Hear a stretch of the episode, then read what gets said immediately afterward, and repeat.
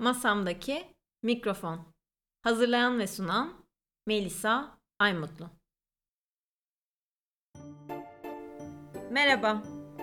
Twitter'da Argo'dan Edebiyat isimli hesabımı açtığım 2012'de çevremde benim sevdiğim türdeki edebiyata ilgi duyan neredeyse kimse yoktu.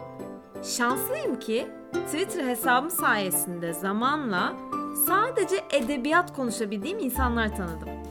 Geçen 8 yıl beni dönüştürdü. Normalde onlarla baş başa konuşmaktan zevk aldığım konuları sizlerle paylaşmaya cüret ettiğim podcast'ime hoş geldiniz. Edebiyat sohbetlerimizle karşınızdayım. Hadi bakalım. İlk bölümün konusu belki de unutulmak üzereyken yıllar sonra Kırmızı Kedi kitap tarafından geçtiğimiz Ekim ayında yeniden yayımlanan Maskeli Balo ve diğer öyküler. Bu öykü kitabının yazarı Özcan Ergüder. Ben bu kitabı niye seçtim? Benim ne zaman ilgimi çekti? Size ondan bahsetmek istiyorum. 2013'teki notlarıma baktığımda Ayfer Tunç ve Murat Gülsoy'un diyaloglar etkinliklerinin birinde Ayfer Tunç'un unutulmaya yüz tutmuş metinlerden biri olarak söz etmesi üzerine sahaflardan bulup satın almıştım Maskeli Balo'yu. İlk yayımlandığı 1956 yılına göre yenilikçi metinler ve günümüzde de özgünlüğünü koruyorlar. Belki de Türk edebiyatının modern klasikleri arasında yer alması gerektiği iddia edilebilir. İkinci baskı ise 43 yıl sonra 99'da Can Yayınları tarafından yapılıyor.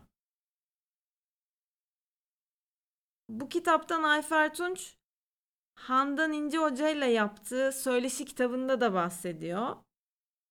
2010 yılında yayımlanan Jale Özat'a dirlik yapan hocanın Kabuğunu Kıran Hikaye kitabında da Türk öykücülüğünde 50 kuşağı yazarları arasında sayılıyor Özcan Ergüder. Ben ise 2017'nin sonunda e, kitaplıkta yayınlanan bir yazıda tekrar gördüm Maskeli Balo'yu. 194 e, numaralı sayısında Kitaplık dergisinin Bengü Vahapoğlu'nun yazısı. Yazının başlığı Sait Faik ile Özcan Ergüder başından sonuna öykülü ve edebiyat dostluğu. Meğer Ergüder Robert Kolej'de okuduğu zamanlarda okuru olduğu bu yazarın sonrasında bir tür arkadaşı da oluyor. Ve sadece Sa Sait Faik değil, Vedat Günyol, Oktay Akbal ve Erdal Öz'ün öykülerinden övgüyle söz ettiği bir isim. Maskeli Balo yayımlandığı yıl Sait Faik hikaye armağanı alması beklenirken ödül Necati Cumalı'ya veriliyor. Maskeli Balo'nun e, Can Yayınları tarafından yayınlanmasından sonra da Kırmızı Kedi'den yayınlanması 20 yılı buluyor. İşte bu bölümde kitabı 20 yıl sonra yayımı hazırlayan akademisyen Bengü Vapoğlu konu. Merhaba Melisa. Hoş geldin Bengü. Hoş buldum. E, kitabın yeni baskısı yapılmasaydı belki de kaybolup giden bir metin olacaktı Maskeli Balo. Selim İleri de kitaptaki yazısında e, çok güzel ifade etmiş bunu. Sen kitabı yayıma hazırlarken yaşadıklarını bize anlatabilir misin? Ee, tabii aslında kitapla istersen nasıl tanıştık? Yani Özcan Ergüder'le nasıl tanıştım, nasıl karşılaştık? Bununla başlayayım biraz. Benim hikayem de çünkü seni dinlerken benim de benzer bir hikayem oldu. Yani beni de Özcan Ergüder'e götüren kanal e, Ayfer Tunç'tu. Hı hı. yine Handan Hoca ile yaptıkları bu Karanlıkta Kelimeler söyleşisinde senin yaptığın alıntı ile beraber e, ben de Özcan Ergüder'i merak etmiştim. Birkaç yıl önce bir edebiyat belleği adında bir yayın projesine başladım. Bir yayın eviyle beraber. Bu yayın projesi o yayın eviyle neticelenemedi. Fakat bu edebiyat belleğimiz yani benim yayınlanmasını istediğim edebiyat belleğimiz e, projesinin içerisindeki kitaplardan birisi de Özcan Ergüder'in Maskeli Balosu'ydu. E, ve ben bu kitabın yayınlanabilmesi için varislerle e, iletişime geçmem gerekiyordu. varislere ulaşmam gerekiyordu. E, çünkü Özcan Ergüder 2014 yılında e, kaybettik ve telif e, sorunu var. E, telif henüz kalkmış değil. Hı hı. E, dolayısıyla e, varislerin peşine düştüm. Hı. E, ya hiçbir şey bilmiyorum ama aile hakkında e, bu arada. E, hiçbir bilgim yok. Twitter'da bir arama yaptım Özcan Ergüder adıyla. E, ve Bedri Baykam'ın e, Özcan Ergüder'le ilgili benim kültür hayatımı yapmış, kültür dünyamı e, şekillendirmiş isimlerden birisidir. Minvalinde bir tweetini gördüm. E, ve Bedri Bey'e ulaşmaya karar verdim. E, aileyi tanıdığını, bir aile dostu olduğunu görerek. E, Bedri Bey de sağ olsun çok yardımcı oldu ve beni e, Özcan Ergüder'in oğlu Ömer Bey ile tanıştırdı. E, Ömer Bey de e, beni, e, benim e, Sevil Hanım'la yani Özcan Ergüder'in ikinci eşi Sevil Ergüder'le e, tanışmama, onunla buluşmama vesile oldu. Ve Sevil Hanım'la bir araya geldik bir gün. E, Özcan Ergüder'in kız kardeşi Bige Kırcan'ın evinde. E, tanışmak için gittiğimde e, Sevil Hanım'ın eli kolu dolu geldiğini gördüm. E, Özcan Bey'in geride bıraktığı e, dosyalarını, evraklarını, nesi var nesi yoksa kapıp gelmiş. E, ben sadece hani aileyle tanışıp Özcan Bey'le ilgili e, belki biraz daha bir şeyler öğrenirim e, ve Maskeli Balon'un yeniden yayınlanmasına vesile olurum diye düşünürken e, Özcan Ergüder'den kalan başka metinlerle böylece bir araya gelmiş oldum. E, ve sonra bu metinler üzerinde çalıştım. E, bunların bir kısmı pelür kağıtlara yazılmış, e, cins cins, renk renk kağıtlarda daktilo edilmiş e, metin parçaları. E, bunlar üzerine e, dediğim gibi çalışmaya başladım. E, daha sonra yollarımız e, bir dosya haline getirdikten sonra da yollarımız e, Kırmızı Kedi ile e, kesişti. Ve işte elimizdeki yayın ortaya çıkmış oldu Melisa. Umarım e, severek ve e, yeni okurlarla buluşabilmiştir e, ve severek okunuyordur diye umuyorum. Bilmiyorum. Sen de okurlarından birisisin örneğin. Kesinlikle öyle. Burada hem Kırmızı Kedi kitabın hem de özellikle senin e, büyük emeğin var. Çünkü pes etmeden ısrarcı bir şekilde Twitter'a girip hani ne bilgi bulabilirim deyip Bedri Baykam kanalıyla e, bir şeyler öğrenmeye çalışmak gerçekten e, kıymetli bir çaba. O yüzden teşekkür etmek lazım sana da. E, belli ki öncesinde de sen de okuyup kaybolmasını istememişsin. Bu e, yani kitapların kaybolmaya yüz tutmuş olması e, gerçekten edebiyatımızda önemli bir sorun. Ve bir kitabı bundan kurtarmış olmak kıymetli gerçekten. Evet şöyle yani güncelde bir karşılığı var mı? Bugünkü edebiyat içerisinde ya da e, bugünkü e, bugünün okuru için bir şey ifade edebilir mi diye de düşünüyorum açıkçası. Hı hı. E, bu, bu kadar peşine düşmemin sebeplerinden birisi de buydu. E, ve bugün hala e, okurda bir karşılığı olabileceğini düşündüğüm için de Maskeli Balon'un mutlaka yayınlanması gerektiğine e, karar verdim ve ısrarla peşinden gittim açıkçası. Evet buna tekrar geleceğiz ama bu gerçekten e, önemli noktalardan biri.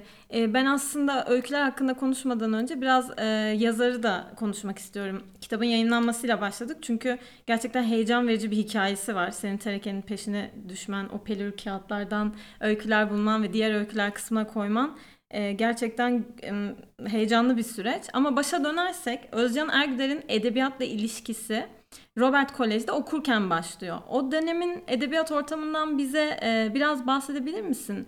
Yani bir zamanlar 50'li yıllarda Özcan Ergüder'i yazmaya teşvik eden ortam nasıldı? Şunu da ekleyeyim. Ayfer Tunç'tan önce aslında 2010 yılında Jale Özat'a dilik yapan doktora tezinden kitaplaştırdığı Kabuğunu Kıran Hikayede de e, 50 kuşağı öykücüleri arasında bahsediyor Ergüder'den. Ona da geleceğiz ama ee, önce bir o edebiyat ortamı nasıl bir ortamdı? Ee, Ergüder kimleri okudu? Onları biraz senden öğrenmek istiyorum.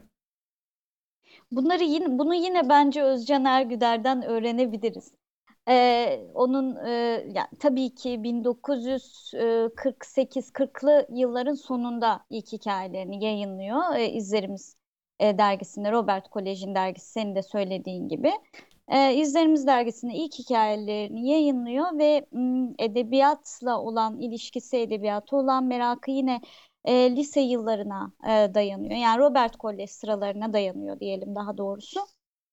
Ve e, bu yıllarda e, tabii ki hani e, Türk Edebiyatı'nda en e, öykücülüğe baktığımızda, e, Türk öykücülüğüne baktığımızda en baskın isim Sait Faik. E, Sait Faik e, ile ilgili Özcan Ergüder benim de bir yazımda yer verdiğim gibi o dönem kendilerini nasıl etkilediğini şöyle anlatıyor. Ben yine ondan aktarmak istiyorum. Çünkü bence en iyi anlatan, en e, yani e, Sait Faik'e en içeriden yaklaşan yazılardan birisi bu. E, Yalnızlığın Öldürdüğü Adam adlı e, yazısı.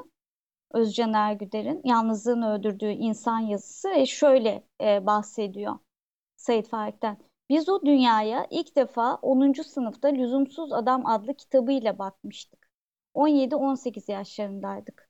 Kitabı elden ele dolaştırmıştık. Onu okumaya başladıktan sonra edebiyattan boyuna sıfır aldığımızı hatırlıyorum. Artık Hisarlar'da bebekler rastladığımız her balıkçıya onun gözüyle bakıyorduk. Üzerimize külhani bir kalenderlik gelmişti. Balıkçılarla arkadaşlık etmek en büyük zevkimizdi. Balıkçı kahvelerinde otururduk. Rum kızları tahayyül ederdik. Şarap içmek şarttı. Şüphesiz ki bizim bu hallerimizde sahtelik vardı ama bakın bu arada neler öğrendik.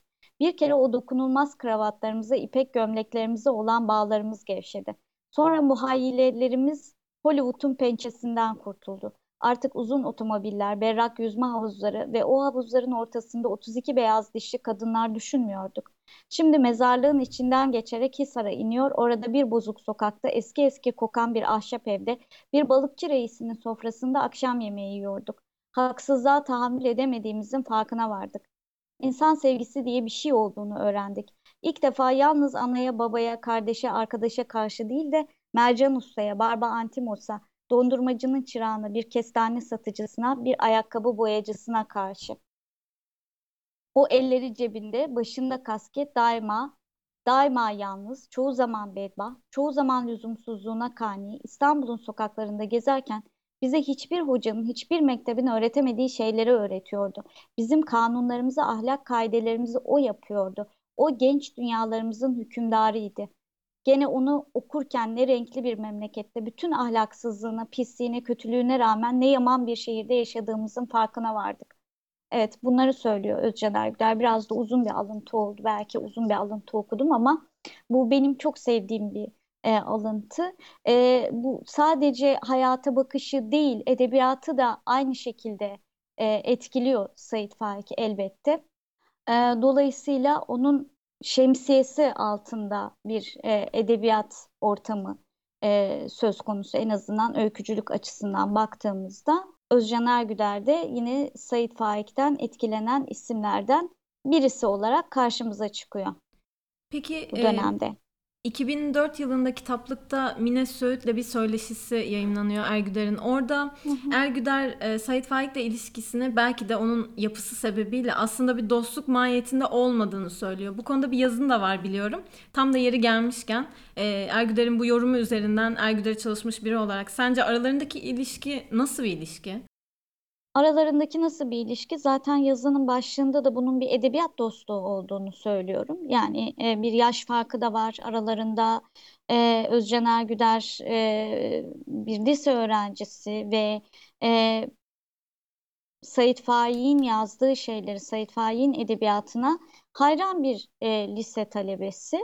E, ondan etkilenerek öyküler yazıyor. E, fakat ben bu özellikle İngiltere'ye gidip geldikten sonra orada e, bir işte Anglo-Sakson edebiyatta karşılaş daha yakından e, tanıdıktan sonra daha doğrusu yani Robert Kolej'den de biliyormuş ama e, daha yakından tanıdıktan sonra e, burada gördüğü teknikleri kendi edebiyatında uygulamaya çalışıyor ve bunları e, Sait Faik'le paylaşmak istiyor. E, ve bu paylaştığı metinler acaba Sait Faik'i etkilemiş olabilir mi e, diye düşünerek özellikle o köprü e yani edebiyat dostluğu e, karşılıklı e, olabileceğini düşündüm e, bu edebiyat dostluğunun ve bu etkilenmenin. E, ama tabii ki bu bir spekülasyon. E, ortaya attığım şey bir spekülasyon çünkü sadece Özcan Ergüder'in e, sınırlı sayıdaki söyleşisinden hareketle biliyoruz yani aralarındaki ilişkiyi Sayit Faik'le. E, onu da o senin bahsettiğin yazıda zaten toparlamaya çalışmıştım. Her iki taraf içinde e, verimli bir edebiyat dostluğu gibi görünüyor burada yazmaya başladığı dönemden e, bahsetmiştik. Robert College'de okuyor. Sen şimdi ekledin. İngiltere'de yaşadığı bir dönem var. Dolayısıyla yabancı edebiyattan haberdar. Joyce sevdiğini biliyoruz. James Joyce. Fransız e, edebiyatına da hakim. Ama beni etkileyen e, hani bu kadar yabancı edebiyatın etkisine e, kolaylıkla m, kapılabilecek biri ve Türk edebiyatını da takip ediyor. Hatta e, Korkunçların girişinde şair Fazıl Hüsnü Dağlarca'dan bir epigraf var. Habersiz öyküsünde de bir karakter çocuk ve Allah kitabını okuyor. Acaba hiç bilgimiz var mı başka Türk edebiyatından e, Hmm, böyle ilgi duygu, duyduğu isimler var mı? Yani bu konu hakkında e, fazla konuşmuyor ama genel e, olarak edebiyatı takip eden bir isim. Minnesota'da olan söyleşisini tekrar hatırlayacak olursak orada e, Tomris Uyarı, Leyla Erbil'i, Bilge Karasu'yu yanlış hatırlamıyorsam eğer şu an hı hı. E, söyleşi elimde yok çünkü e, isimleri okuduğunu takip ettiğini söylüyor. Yani 2004 yılında yapılmış. Şunu aktarabilirim bu noktada. E, Özcan Ergüder'in evine de gittim. Sevil Hanım'ın davetlisi olarak. E, orada çok geniş bir e, kitaplığı var Özcan Bey'in. Hem e, yabancı yayınlar e, hem işte ana dillerinden, ana dilinden Faulkner'lar, Shakespeare'ler vesaire bu kitaplıkta hem de Türk Edebiyatı'na dair çok geniş ve zengin bir kitaplık e, Özcan Bey'in kitaplığı. Yani Özcan Ergüder e, çok iyi bir edebiyat okuru okuruymuş. Bunu söyleyebiliriz en azından. Yine e, Twitter'da bir Yaşar Kemal'in ona imzaladığı bir kitap paylaşmıştım. Hatır, hatırlıyor musun bilmiyorum. Korkunç öykücü Özcan Ergüder'e diyor orada Yaşar Kemal. E, evet Özcan Ergüder'in o dönemde çok sevilen e, Korkunçlar öyküsüne gönderme yaparak söylüyor bunu. E, Maskeli Balon'un içerisinde en fazla sevilmiş e, hikaye odur herhalde. Bir, bir kitap için gerçekten büyük bir başarı. Ee, kitabın içeriğine geçersek yavaş yavaş. Ee, senin bir notunla açılıyor kitap. Ardından bir Selim İleri yazısı bizi karşılıyor. Son sözse Jale Özat'a dilik yapana verilmiş. Maskeli Balo'da 9 öykü var ve senin ulaştığın diğer öykülerde 13 tane. Şimdi Ergüder öykülerinde çok fazla diyalog kullanıyor. Bunları oldukça usta işi kullandığı açık.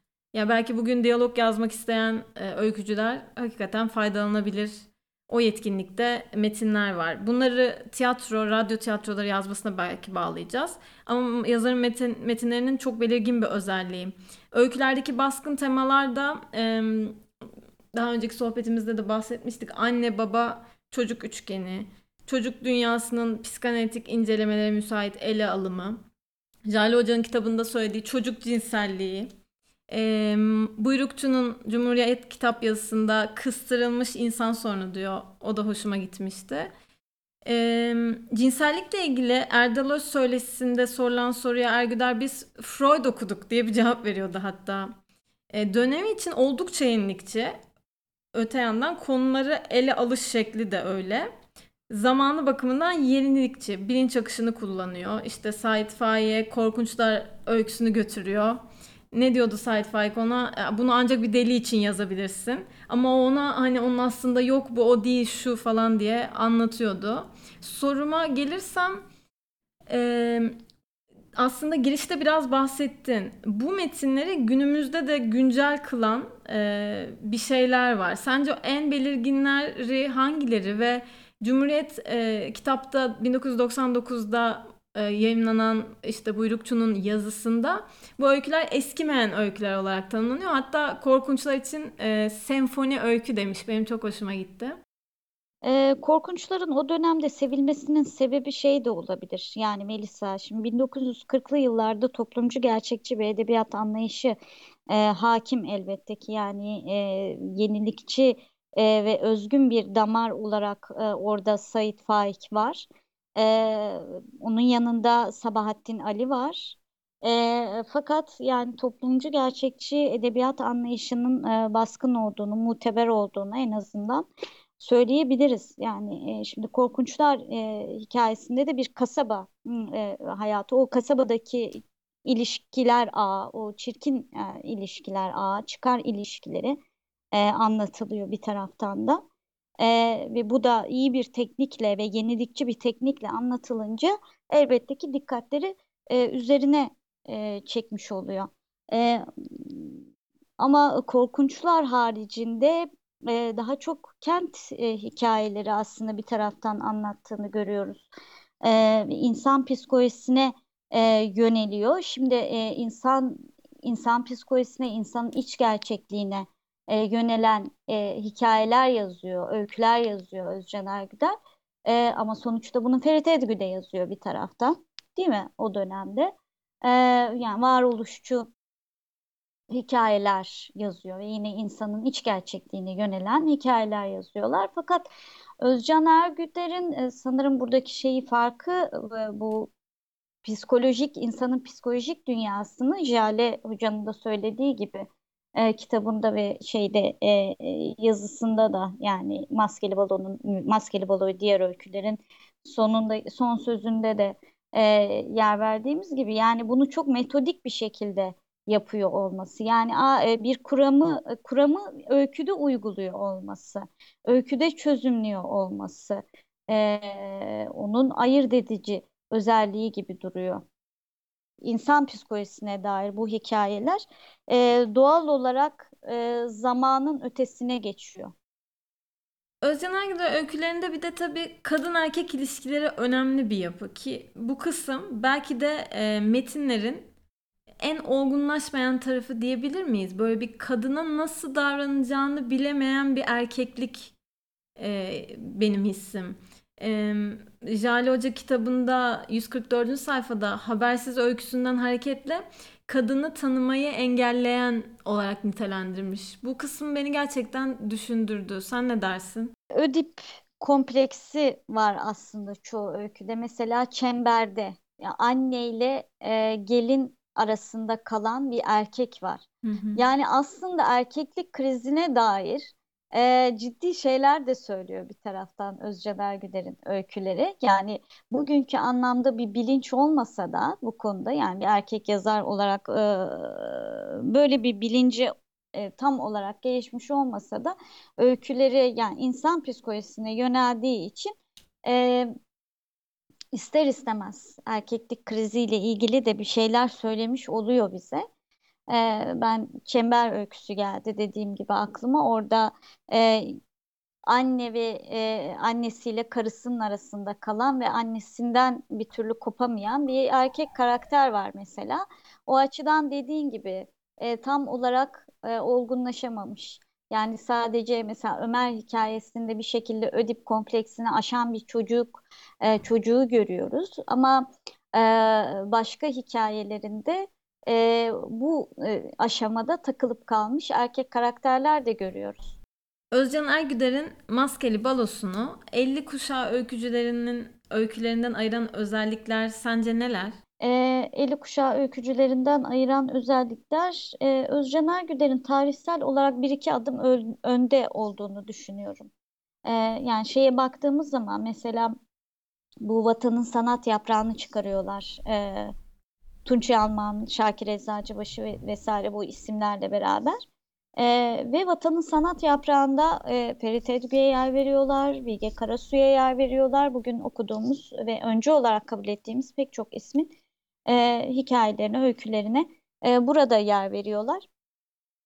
Dolayısıyla e, edebi e, zevk olarak da yani o yayının e, yayını şekillendiren isimler bunlar sonuçta. Öte yandan e, şimdi tek kitap e, yayınlamış bir yazar.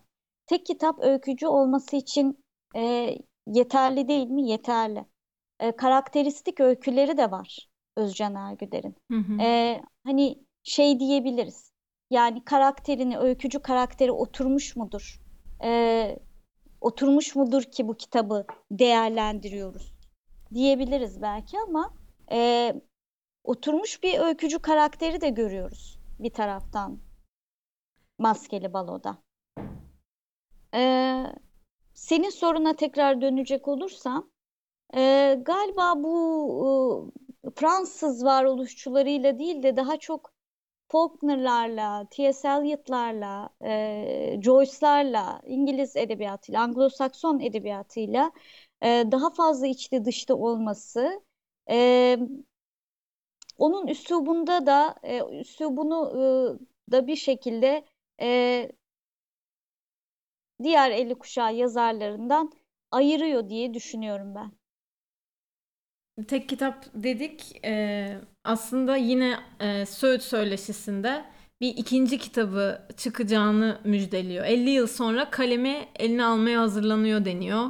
E, hatta deniyor ki Maskeli Balo'daki öykülerden çok daha iddialı ve derin psikolojik tahliller içeren hikayeler olarak adlandırıyor. Yani yazmaya devam ettiği kesin. E, hani önemli bir yayın evinden onu arıyorlar, dosyasını soruyorlar ve kitap yayınlamak istediğini istemediğini söylüyor.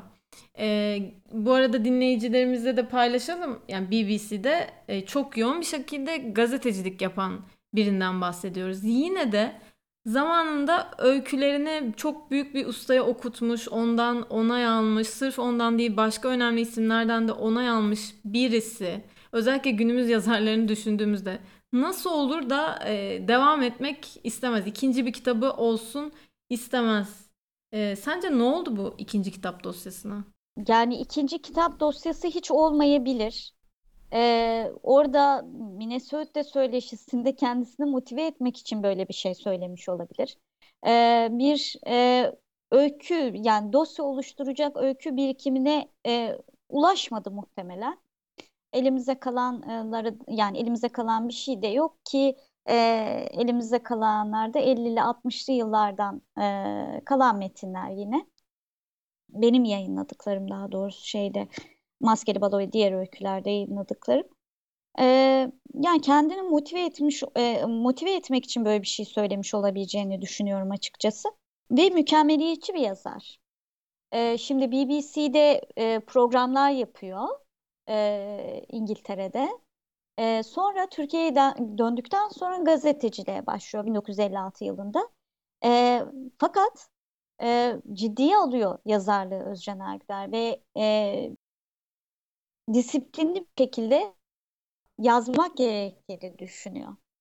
E, böyle bir vakit ayıramayınca yazmaya doğal olarak e, yazarlıktan da kademe kademe belki de kopuyor, uzaklaşıyor ama içinde her zaman bir ukde olarak kaldığı da çok açık. E, Said Faik hikaye armağanı meselesine gelmek istiyorum günümüzde olduğu gibi o dönemde de tartışmalı e, şeyler olmuş sanırım. Çünkü belki bir önceki soruyla da bağlantılı olabilir. E, edebiyat çevrelerinde 57 1957 ödülünün e, kendisine verilmesi beklentisi çok yüksekmiş. Ama o ödül o sene Necati Cumalı'ya gidiyor.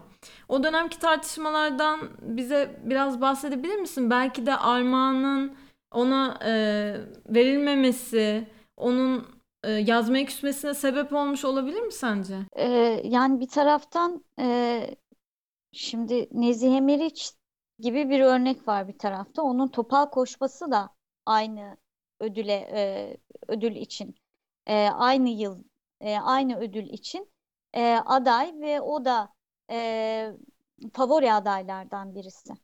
E, Nezihe Meriç'in topal koşması. Şimdi Nezihe Meriç yazmaya devam ediyor biliyorsun. Fakat Özcan Ergüder daha fazla yazmıyor. Böyle bir ödüle, Sait Faik ödülüne aday olmuş olmak bile motive edici bir unsur bana kalırsa. Kesinlikle. Yazabilecek olsaydı e, yazardı mutlaka devam ederdi diye düşünüyorum. Daktilomla Konuşma adında bir hikaye e, var diğer öykülerin içerisinde hatırlayacak olursan. Evet. Aslında o bir hikaye değildi. Galiba sunuş yazısında da bunu yazmış olmam gerekiyor. Ee, aslında o bir şey değildi yani e, bir hikaye değildi. Ulus gazetesindeki görüşüm köşesinde yayınlanmış bir yazıydı o.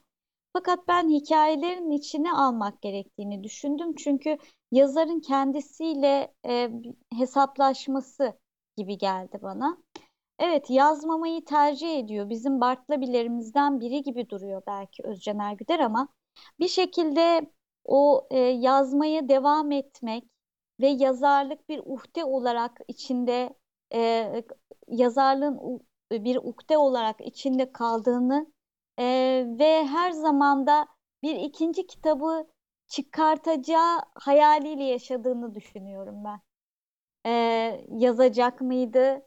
E, bir nasıl bir ruh hali içerisindeydi? Yazarlıkla arasındaki gerilim bu yazmadığı süreç içerisinde nasıldı? Bunların cevabı daktilonla bir konuşma hikayesinde bence. Bengü bir de e, senin Tereke'den bulduğun öyküler e, var. Maskeli Balon'un e, diğer öyküler kısmına eklediğin değil mi? Kitaptaki diğer öykülerden de e, bahsedebiliriz bu arada. Dediğim gibi daktilomla bir konuşma e, ulus görüşüm köşesinde e, çıkmış bir öyküydü. E, fakat onun haricinde daktilo edilmiş öyküler içerisinde e, en çok beğendiğim e, Saint George Hastanesi adını verdiğimiz hikaye oldu. Evet, adını güzel verdiğim gerçekten. hikaye oldu. O çok acayip bir e, hikaye gerçekten. E, gerçeküstücü öğelerin kullanımı, çok sinematografik bir anlatım, e, çok e, hakikaten sürükleyici bir saplantının hikayesi, bir takıntının hikayesi. Adeta bir David Lynch filmi gibi e, filmi izlemiş, izliyor kadar zevk aldığım bir e, öyküydü o benim. E, gerçekten çok öne çıkan hikayelerden bir tanesi. E, inan bana o hikayeyi okurla buluşturduğum için e, çok mutlu oluyorum. E, o hikayeyi okurla, okurla buluşturabildiğimi düşündüğümde çok mutlu oluyorum gerçekten. E, kesinlikle öyle. Bir de senin isim verdiğin öykülerden biri. Değil mi? E, hani Evet, e, herhangi bir ismi yoktu. Tek bir kopyası vardı elimizde. E, Sevil Hanım bu bu hikayeyi çok büyük bir heyecanla yazdığını söyledi. E, ben roman olup olamayacağını sordum. Yani Sevil Hanım'a da okuyormuş. Yani hmm, yazdıkça. Evet, hikayeyi yazdıkça Sevil Hanım'a da okuyormuş bu arada. E, ben o e, şeyin e, hikayenin bir e, roman parçası mıydı? Acaba devam edecek mi? Devam ettirmek gibi bir niyeti var mıydı? Bölüm olarak mı düşünüyordu vesaire bu tip şeyler sordu. E, o da tamamen bir öykü olarak kaleme aldığını söyledi hikayeyi. E, evet Özcan Ergüder'in okurla buluşmasından memnun olduğum bir hikaye. Bengü bildiğim kadarıyla Tereke'ye ulaştığında yaptığın incelemelerde başka metinler de eline geçti. Bunlar neler ve onlar da yayınlanacak mı? Ee, evet sen e, BBC'deki çalışmalarından bahsettin. Ee, Londra'dayken yani üniversite e, okumak üzere Oxford'a gittiği zaman e, orada BBC'de çalışıyor ve BBC için Türkçe programlar yapıyor. Ee, bunlardan bazılarının kayıtları çıktı TRK'den. Ee, bu kayıtları değerlendirmek, e, değerlendirmeyi düşünüyoruz. Ee, bir de e, hem uyarladığı hem yazdığı radyo oyunları var. Ee, bunlardan bir tanesi e, müthiş bir kara mizah örneği. İngilizce olarak kaleme almış. E, bunu da yine e, Armağan İkici ile beraber ortak bir e, çeviri çalışması neticesinde e, okurla buluşturacağız. E, tabii ortak çeviri çalışması diyorum ama Armağan İkici'ye bu konuda çok teşekkür borçluyum. E, ben sadece kaba bir çeviri yapmıştım. Asıl e, çeviri e, yükü ona ait. E, ona çok teşekkür ederim. E, evet yani Özcan Ergüder'in terekesinden çıkan e, bu tip metinleri de değerlendireceğiz. Hepsini bir şekilde okurla e, buluşturacağız. Güzel yayınlar e, haline getireceğiz. Ee, buradan yine ye, e, Çağlayan e, bu konuda e, destekleyen yayınlanması için de e, yayınların en güzel şekilde e, en iyi şekilde ortaya çıkması için e, yardımlarını esirgemeyen e, sevgili Çağlayan Çevi'ye de teşekkürlerimi iletiyorum. Buradan onları da anmış olalım. Ee, o zaman son olarak senden ricam kitabın sonundaki Ulus Gazetesi'nde köşe yazısı olarak yayınlanan Daktilom'la bir konuşmayı seslendirmeyi rica edeceğim. Sanırım pek çok sorumuzun cevabı e, orada var. Yani Özcan Ergüder'in e, yazarlıkla, yazarlığı bırakmış bir yazar olarak e, yazarlıkla arasındaki gerilimi e, en iyi anlatan metin herhalde Daktilom'la bir konuşmadır. Evet, Daktilom'la e, bir konuşma. Biliyordum böyle bir konuşmanın er geç başıma geleceğini. Ne zamandan beri bekliyordum. Daha doğrusu önlemeye çalışıyordum. Ukalalık edebilirdi. Hatta küstahlık da edebilirdi. Daha önce hiç konuşmadığımız halde biliyordum bunu. Bana kalsaydı eğer, fakat bu da yersiz bir söz. Bana bir şey kalmadığı ortadaydı artık. Önce o başladı söze. Sıkıldım dedi. Cevap vermedim. Evet dedi hecelerin üstüne basa basa. Sıkıldım. Fena halde sıkıldım. Seni eğlendiremediğim için özür dilerim dedim. Hafifliğin gereği yok dedi. Ben çok ciddiyim. En azından benimle konuşurken aynı ciddiyeti gösterebilirsin.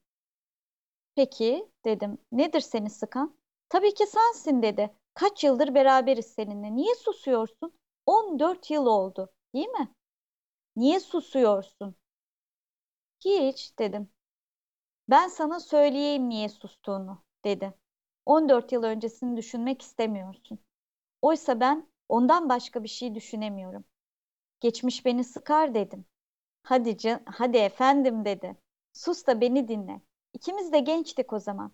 Ben fabrikadan henüz çıkmıştım. Gıcır gıcırdım. Vitrinde duruyordum.